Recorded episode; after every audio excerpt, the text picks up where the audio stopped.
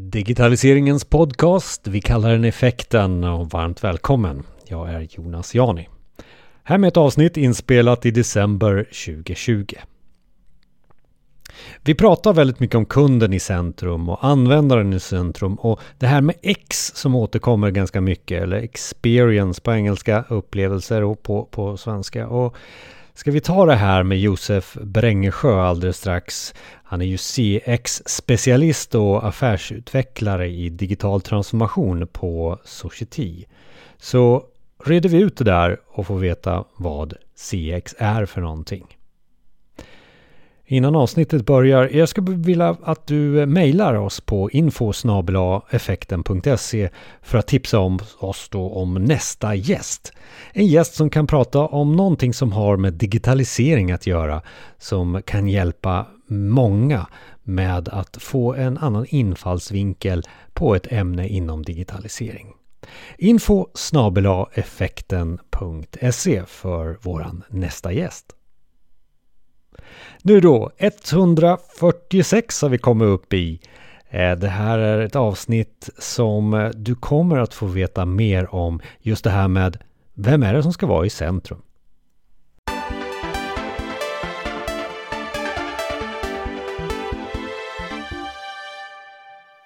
Då landar vi i det här med användarcentrering och, och följa användaren. Eller är det det CX är? Välkommen Josef! Tack så jättemycket Jonas. Det här är skitkul att få prata om det här. Det här är verkligen min... Ja, det här går jag igång på. Det här är skoj alltså.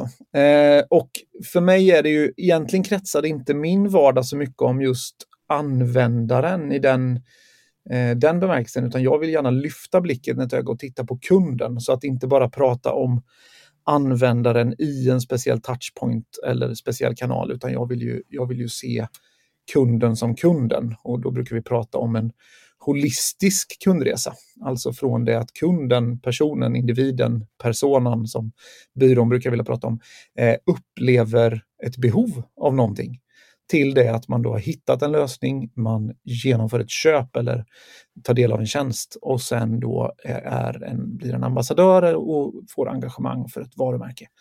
Så för mig handlar det om kundupplevelse, alltså Customer Experience, CX. För, för mig, vi har ju pratat väldigt mycket i podden om UX. Det, kan mm. du toucha någonstans skillnaden mellan CX och UX? För, för en lekman så låter det nästan likadant, tänkte jag. Ja, det är alla dessa X nu för tiden, de är överallt. Eh, och det är ju det jag skulle säga att om du, ser, om du ser en pyramid framför dig, så på toppen av pyramiden så har du brand experience. Fick du ett X till Jonas? BX, alltså brand experience på toppen, varumärkeslöftet, varumärkesupplevelsen Eh, identiteten, bolagets varför eller vad du nu vill, vill kalla det då. Eh, där lägger jag ner kroken i det.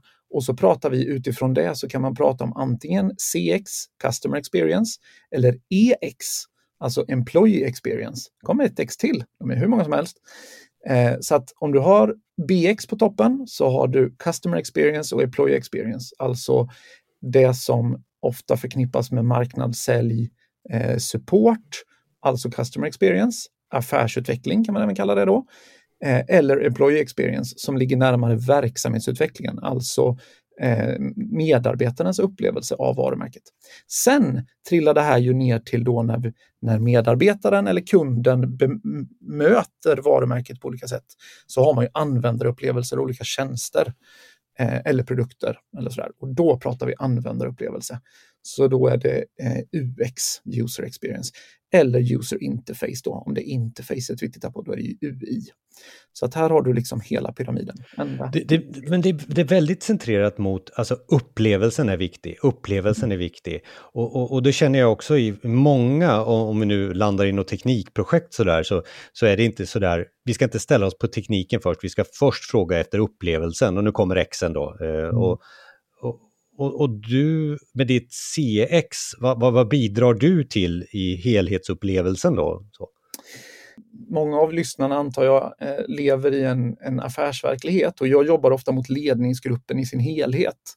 Så att ofta kommer uppdraget för mig kommer in från eh, marknadschefen, säljchefen, men uppdraget hamnar ofta liksom i, i ledningsgruppen till slut. Då.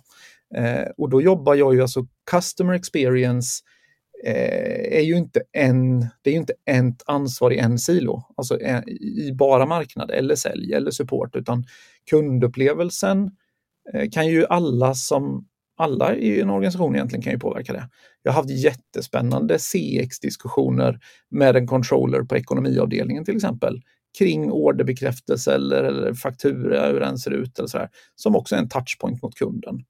Så för mig är ju CX någonting som kan eh, driva affärsutveckling i stort i ett bolag.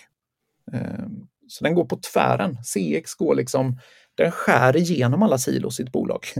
Eh, så det är därför vi ofta pratar om Customer Experience Value Chain. Alltså hur får man in kundupplevelse i värdekedjan? Liksom. Då vart jag lite nyfiken där. Vad, vad, vad pratar man med en controller om, eh, om, om gällande upplevelsen? Var... Ja, det, det, är ju inte alltid man gör det kan jag säga. Tyvärr skulle jag säga. Eh, ofta blir det ju så att det blir marknadschefen som får den som också då har någon form av utvecklingen av brandet får också customer experience på sitt bord. Och det kan ju vara bra att man har ett ägandeskap kring frågan, men eh, det är faktiskt inte så att marknad kan påverka hela, utan tittar du till exempel på ja, men hur Ta, ta eh, alltså efter själva konverteringen, efter köpet, så får du en leverans och i vissa fall så har du problem kring en fakturaadress eller leverans eh, bekräftelse eller vad det kan vara. Och då kan det ju vara så att man vänder sig till en support och så blir man routad till en ekonomiavdelning där då. Eh, och då är det ju faktiskt så att den personen du pratar med på en ekonomiavdelning, eh, i mindre bolag kan ju det vara samma personer som en controller till exempel, eh, får det här ärendet på sitt bord och då, har man ju, då sitter man ganska djupt in i organisationen och eh, prata kundupplevelse egentligen, bidrar till kundupplevelsen.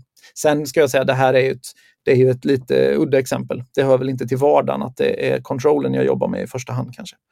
Eh, men för många organisationer så är det en viktig, viktig del. Eh, i, I vissa organisationer så kanske det är första gången kunden faktiskt möter en, en, eh, en individ hos bolaget eh, efter köpet. Om man har problem med till exempel då en, en faktura eller vad det nu kan vara, betalning eller så. Då. Eh, då kundresorna blir allt mer digitala idag, helt enkelt. Ja, ja och, och, CX, det går säkert att fylla på det mer och förklara det, men kan vi göra det med exempel till exempel så här nu? Ja, alltså det man först, det, jag tror jag behöver först för att förklara begreppet CX så kanske vi först behöver liksom sätta, vad, vad är det då? Men vad är customer experience? Jo, men customer experience, det är skillnaden mellan kundens förväntan och våran leverans. Och när jag säger så, så är ju inte eh, då menar jag inte leverans av produkt eller tjänst bara, det är det också, utan det är ju varje touchpoint. Alltså förväntan jag har när jag möter ett varumärke. Jag har ju en förväntan på hur eh, kaffekoppen ska kännas inne på ett, i ett kontorslandskap där loggan sitter på kaffekoppen. Det är en touchpoint, det är en leverans för oss. Eh, jag har varit med om att jag har träffat kunder där där jag har fått säga att ni, behöver nog slu ni ska nog sluta med era eh, bruna plastmuggar, för det säger något om ert bolag och ni vill vara ett, Eh, ett exklusivt varumärke och det här anstas inte exklusivitet. Det är en touchpoint. Liksom.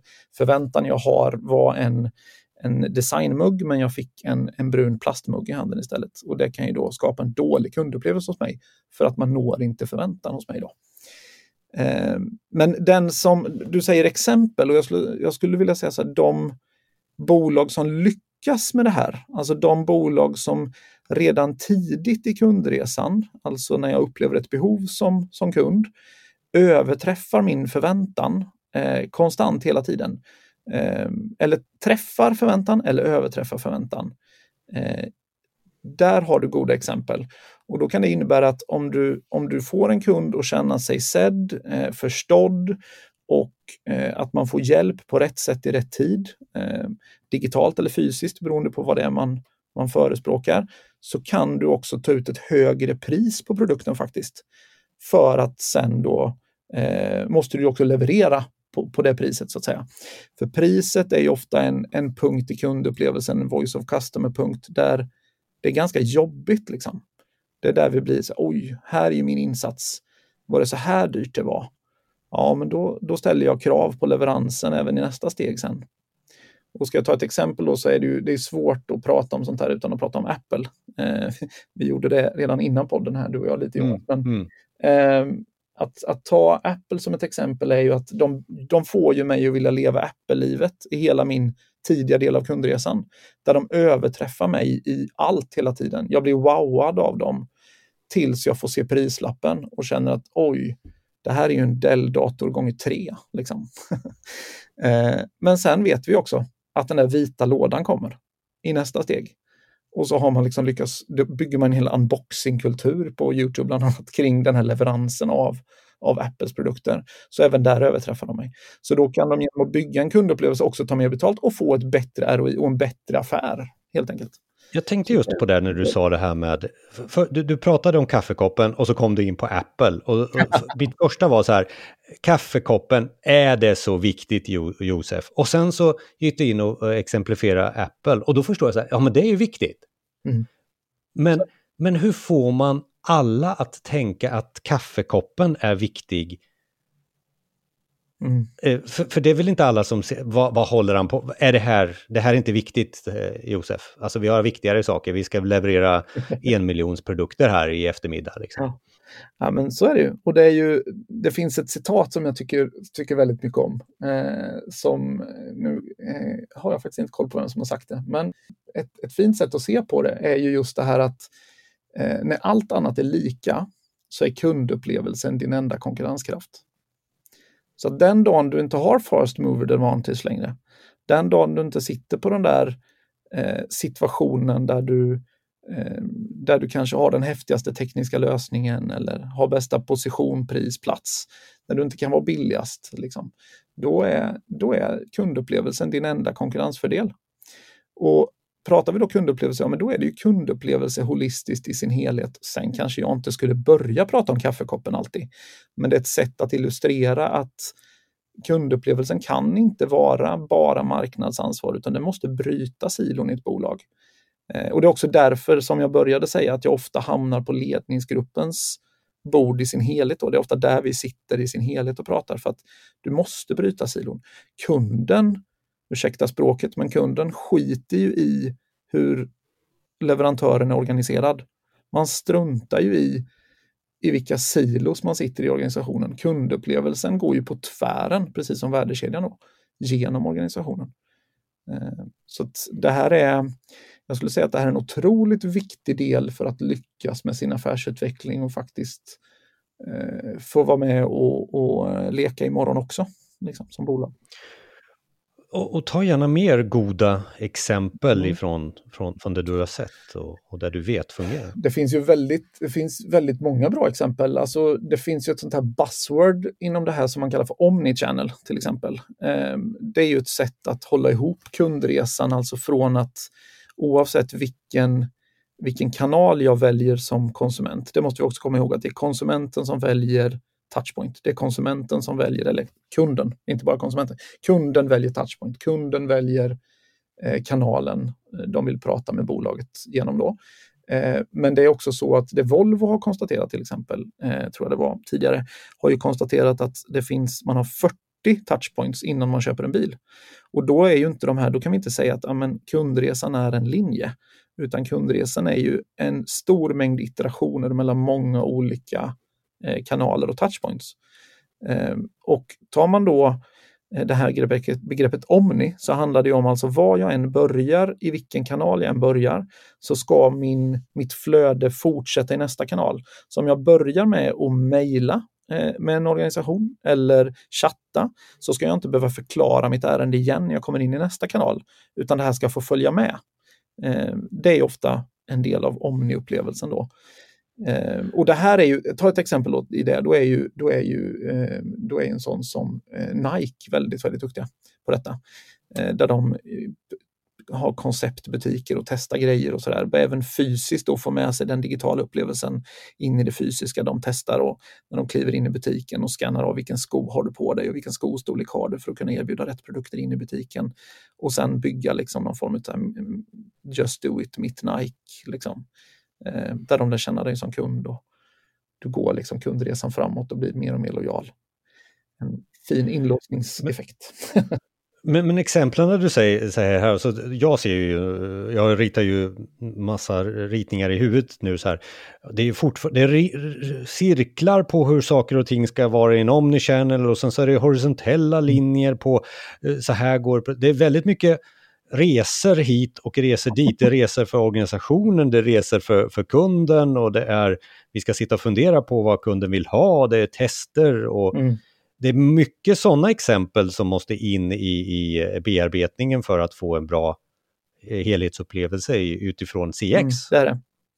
Och ska jag, om jag ska bli, eh, om, jag, om du låter mig bli lite mer eh, man säga, eh, filosofiskt kanske, en sekund, eller så kan vi titta på, om man tittar till vad beteendevetenskapen säger om en upplevelse, så har den ju egentligen, en upplevelse har ju två dimensioner. Eh, det här är ju eh, Daniel Kahneman. Det är många som har läst hans böcker, men jag kan tippa om dem för den som inte har gjort det. Eh, tänka snabbt, tänka långsamt är ju den som är mest känd. Eh, han var den första mannen som fick Nobelpriset i ekonomi utan att vara en ekonom, utan han är beteendevetare istället. Då.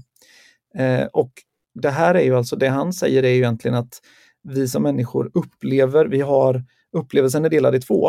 Eh, vi upplever någonting i stunden som vi kan agera på Eh, det är ofta det vi pratar om när vi pratar om körn på en e-handel till exempel. Vad får mig i stunden att gå vidare och ta nästa steg när jag sitter i en kanal? Det är ofta det UX jobbar med, eller UIn jobbar med. Då.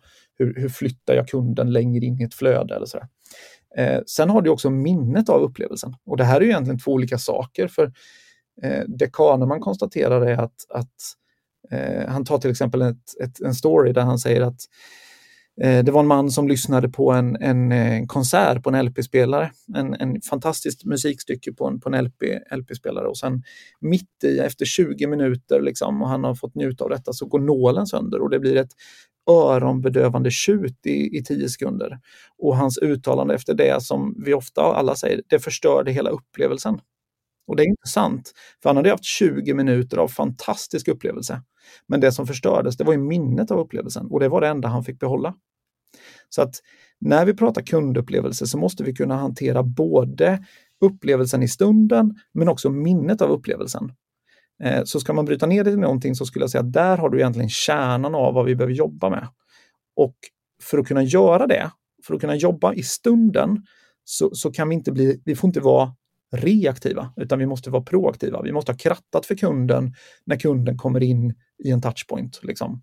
Eh, vi måste ha redan innan förstått att kaffekoppen måste se ut så här för att den ska upplevas rätt. Så vi måste vara proaktiva. Vi får inte vara reaktiva då. Eh, och då behöver du bli kundcentrerad. Då räcker det inte att du som organisation är kundorienterad, alltså orientera dig eh, med kunder runt dig, utan du behöver bli kundcentrerad. Du behöver ställa kunden i centrum i bolaget. Eh, det innebär för marknadschefen till exempel att marknadschefen måste bli han måste bli kundens röst in i organisationen istället för säljarens röst ut ur organisationen. Och det här är en jätteutmaning för många, för många marknadschefer att komma dit. Eh, men det är en resa man måste göra att bli kundcentrerad. Liksom. Eh, där tror jag ligger en hemlighet i det för att hantera kunden på det sättet. Alltså det, det, det verkar vara väldigt stort det här ämnet så att jag tänker så här, om vi trattar ner det och du har redan varit inne lite på den stora lösningen som du nu kommer att eh, ge oss i en checklista. Nej men alltså, kan, vägledning, det är där vi är ute efter på, på slutet här Josef. Alltså, var, var, hur ska jag tänka? För jag kan ju tänka väldigt, väldigt stort här, kanske lite för stort. Jag ritade själv bilder i huvudet på, på horisontella linjer och, och staplar och, och, cirklar och sånt där. Men ge oss lite, lite vägledning här på slutet. Det finns ju en silver bullet här. Nej, det gör det ju faktiskt inte. Tyvärr gör det inte det. Eh, utan här har du ju, jag skulle säga att det finns fyra områden du måste bemästra i en organisation för att då bli kundcentrerad. Och det är eh, teknik. Alltså eh, har vi en teknik, teknisk förmåga som möter kunden eh, med rätt content i rätt kanal och rätt tid. Alltså kan vi, kan vi egentligen genomföra det rent tekniskt i och med att kundresan blir allt mer eh, digital. Sen har vi data, alltså Eh, vad vet vi om kunden? Samlar vi data? Äger vi data? Får vi samla data? Eh, så att vi också kan bli datadrivna. Det är ju otroligt centralt för att bli proaktiv. Då att bli kundcentrerad och proaktiv. Sen måste du ha rätt processer på plats. På plats. Och framförallt så behöver du i dina processer vara beredd att ändra hur du gör baserat på vad kunden vill att du ska göra. Det är det som är att vara kundcentrerad. Och det sista, och det absolut viktigaste, det är människor och kultur. Men det är också det svåraste att förändra. Eh, människor, där behöver du ha rätt förmågor på plats, men du behöver också jobba kulturellt med, är, alltså klarar vi av att lyssna på en kund? Lyssnar vi mer på kunden än vad vi lyssnar på eh, de interna behoven och de eh, problemen som finns i organisationen? Så fyra stycken områden, teknik, data, processer och människor och kultur. Sen handlar det om som så mycket annat idag och jag säger agil, eh, det är ett ord vi håller på att förstöra tyvärr, men det handlar om att lära, lösa, göra, mäta kring kunden. Så lär känna kunden, ta fram ett program eller en strategi för en lösning på hur du ska bli proaktiv och bemöta kunden i framtiden. Implementera det och sen mät på resultatet. Och här är det en stor utmaning i detta. Det är att våga prioritera. Eh, för att du kan inte jobba på det här sättet med alla dina kundgrupper, alla dina segment samtidigt. Utan du kommer behöva välja ett segment, en profil och en persona som du börjar jobba med, en alltså kundtyp och börja ta igenom den här resan. Då. Så, ja. och, och, jag måste också vara lite tydlig här så att, eh, och, och kanske ställa den nadiva frågan till dig. Kan det vara vilket företag som helst och vilken kategori eh, eh av företag som helst? Eller är det bara e-handel? Nej, det är absolut inte bara e-handel. Eh, nu är det ju så att väldigt många går ju under coronatider 2020 så är det väldigt många som har börjat snegla på det man kallar för D2C, alltså direct to consumer. Man, går alltså, man tittar på att gå förbi återförsäljaren. Det är många som sneglar åt det hållet och det är, det är en relevant eh, snegling för många. Men jag skulle säga att det här är precis, är, så fort du har ett varumärkeslöfte där du har en, en extern aktör liknande en kund så är detta helt relevant och fullt centralt eh, skulle jag säga. Så det stora, stora industriföretaget, det här är fullt det är applicerbart här? Absolut, och jag skulle säga att väldigt många industriföretag har ett, ett större behov av detta för att man har en identitetsbild av att vara ett industriföretag. Men väldigt många av de bolagen står idag inför att bli mer av ett, eh, vad ska man säga, kundupplevelsecentrerat bolag där man behöver komma närmare kunden, kanske sälja direkt till kund. Eh, men även om man inte gör det så behöver du förstå kunden på andra sidan återförsäljaren för att kunna rendera rätt värde. Eh, jätteviktigt skulle jag säga. Teknik, data, processer, människor och kultur och du sa människor och kultur. Jag håller väl med det utifrån mina erfarenheter också. Men det som har kommit upp i podden och det, den diskussionen som har varit också, det är det här med data. Mm.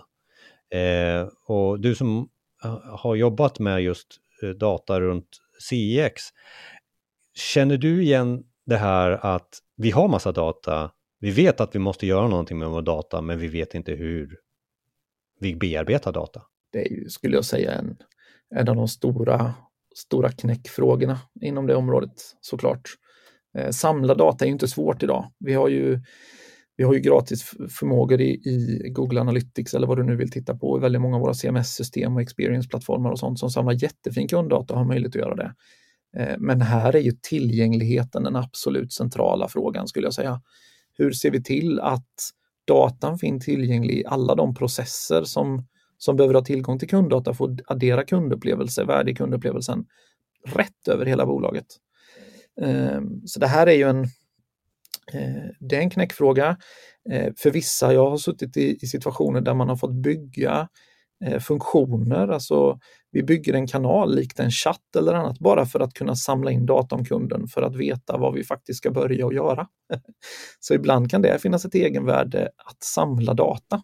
Allt behöver inte driva affär här och nu, utan ibland måste man samla data för att veta vad man ska vara om fem år eh, och se vad kunden säger idag om oss. Så att, eh, Ehm, nej, det är centralt, men, men eh, att kunna dela data på tvären i organisationen skulle jag säga, det är, det, det är den största knäckfrågan idag. Och våga göra det. Våga vara transparent. Våga i en organisation visa på sanningen och våga prata om hur det faktiskt ligger till där ute. Eh, vi har faktiskt inte fler visningar på vår hemsida än så här. Liksom. Det kan vara tufft ibland, men det är helt centralt för att komma framåt och utvecklas, skulle jag säga. 20 minuter går väldigt snabbt Josef. Vad eh, tar vi med oss ifrån avsnittet, tycker du?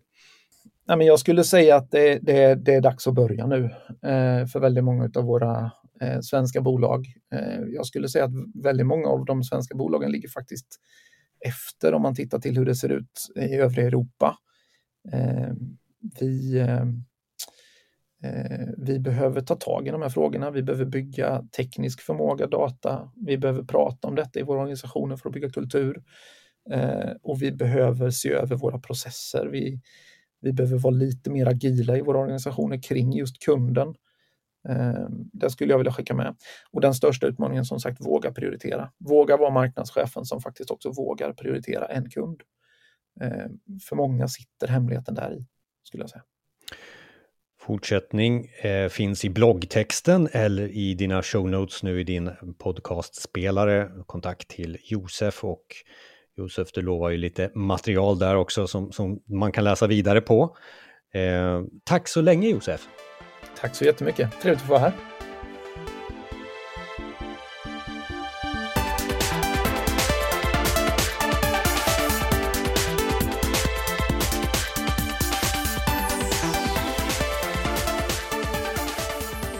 Alltså mer länkar och allting om CX på effekten.se och direkt här i din podcastspelare. Och enkelt att nå oss på bland annat eh, Spotify och Apple Podcast för att starta en prenumeration. Och om vi tittar lite på vad avsnitten har handlat om den senaste tiden är det väldigt mycket angående just data. Det är öppen data och hur man blir datadriven. Men också det här med organisation och ledning under pandemin och hur vi reder ut det här med digitalisering under pandemin. Vi har också ett avsnitt om Omnichannel som vi nämnde här och vi pratar lite e-handel. Allting finns i avsnitten som du hittar bland annat på effekten.se. Jag är Jonas Jani och tillsammans med Micke Nobäck så gör vi den här podden som vi kallar Effekten. Den är snart fyra år gammal och vi vill att den alltid ska bli bättre. Bättre på att eh, informera lite mer om ett ämne som du kanske inte känner till så mycket. Få en liten guidning och lite exempel på vad man kan göra med ämnet. Och vi gör det, försöker att göra det i alla fall på drygt 20 minuter. Så hör gärna av dig. Info effekten.se om du vill prata mer med oss. Info effekten.se Och så hörs vi nästa gång.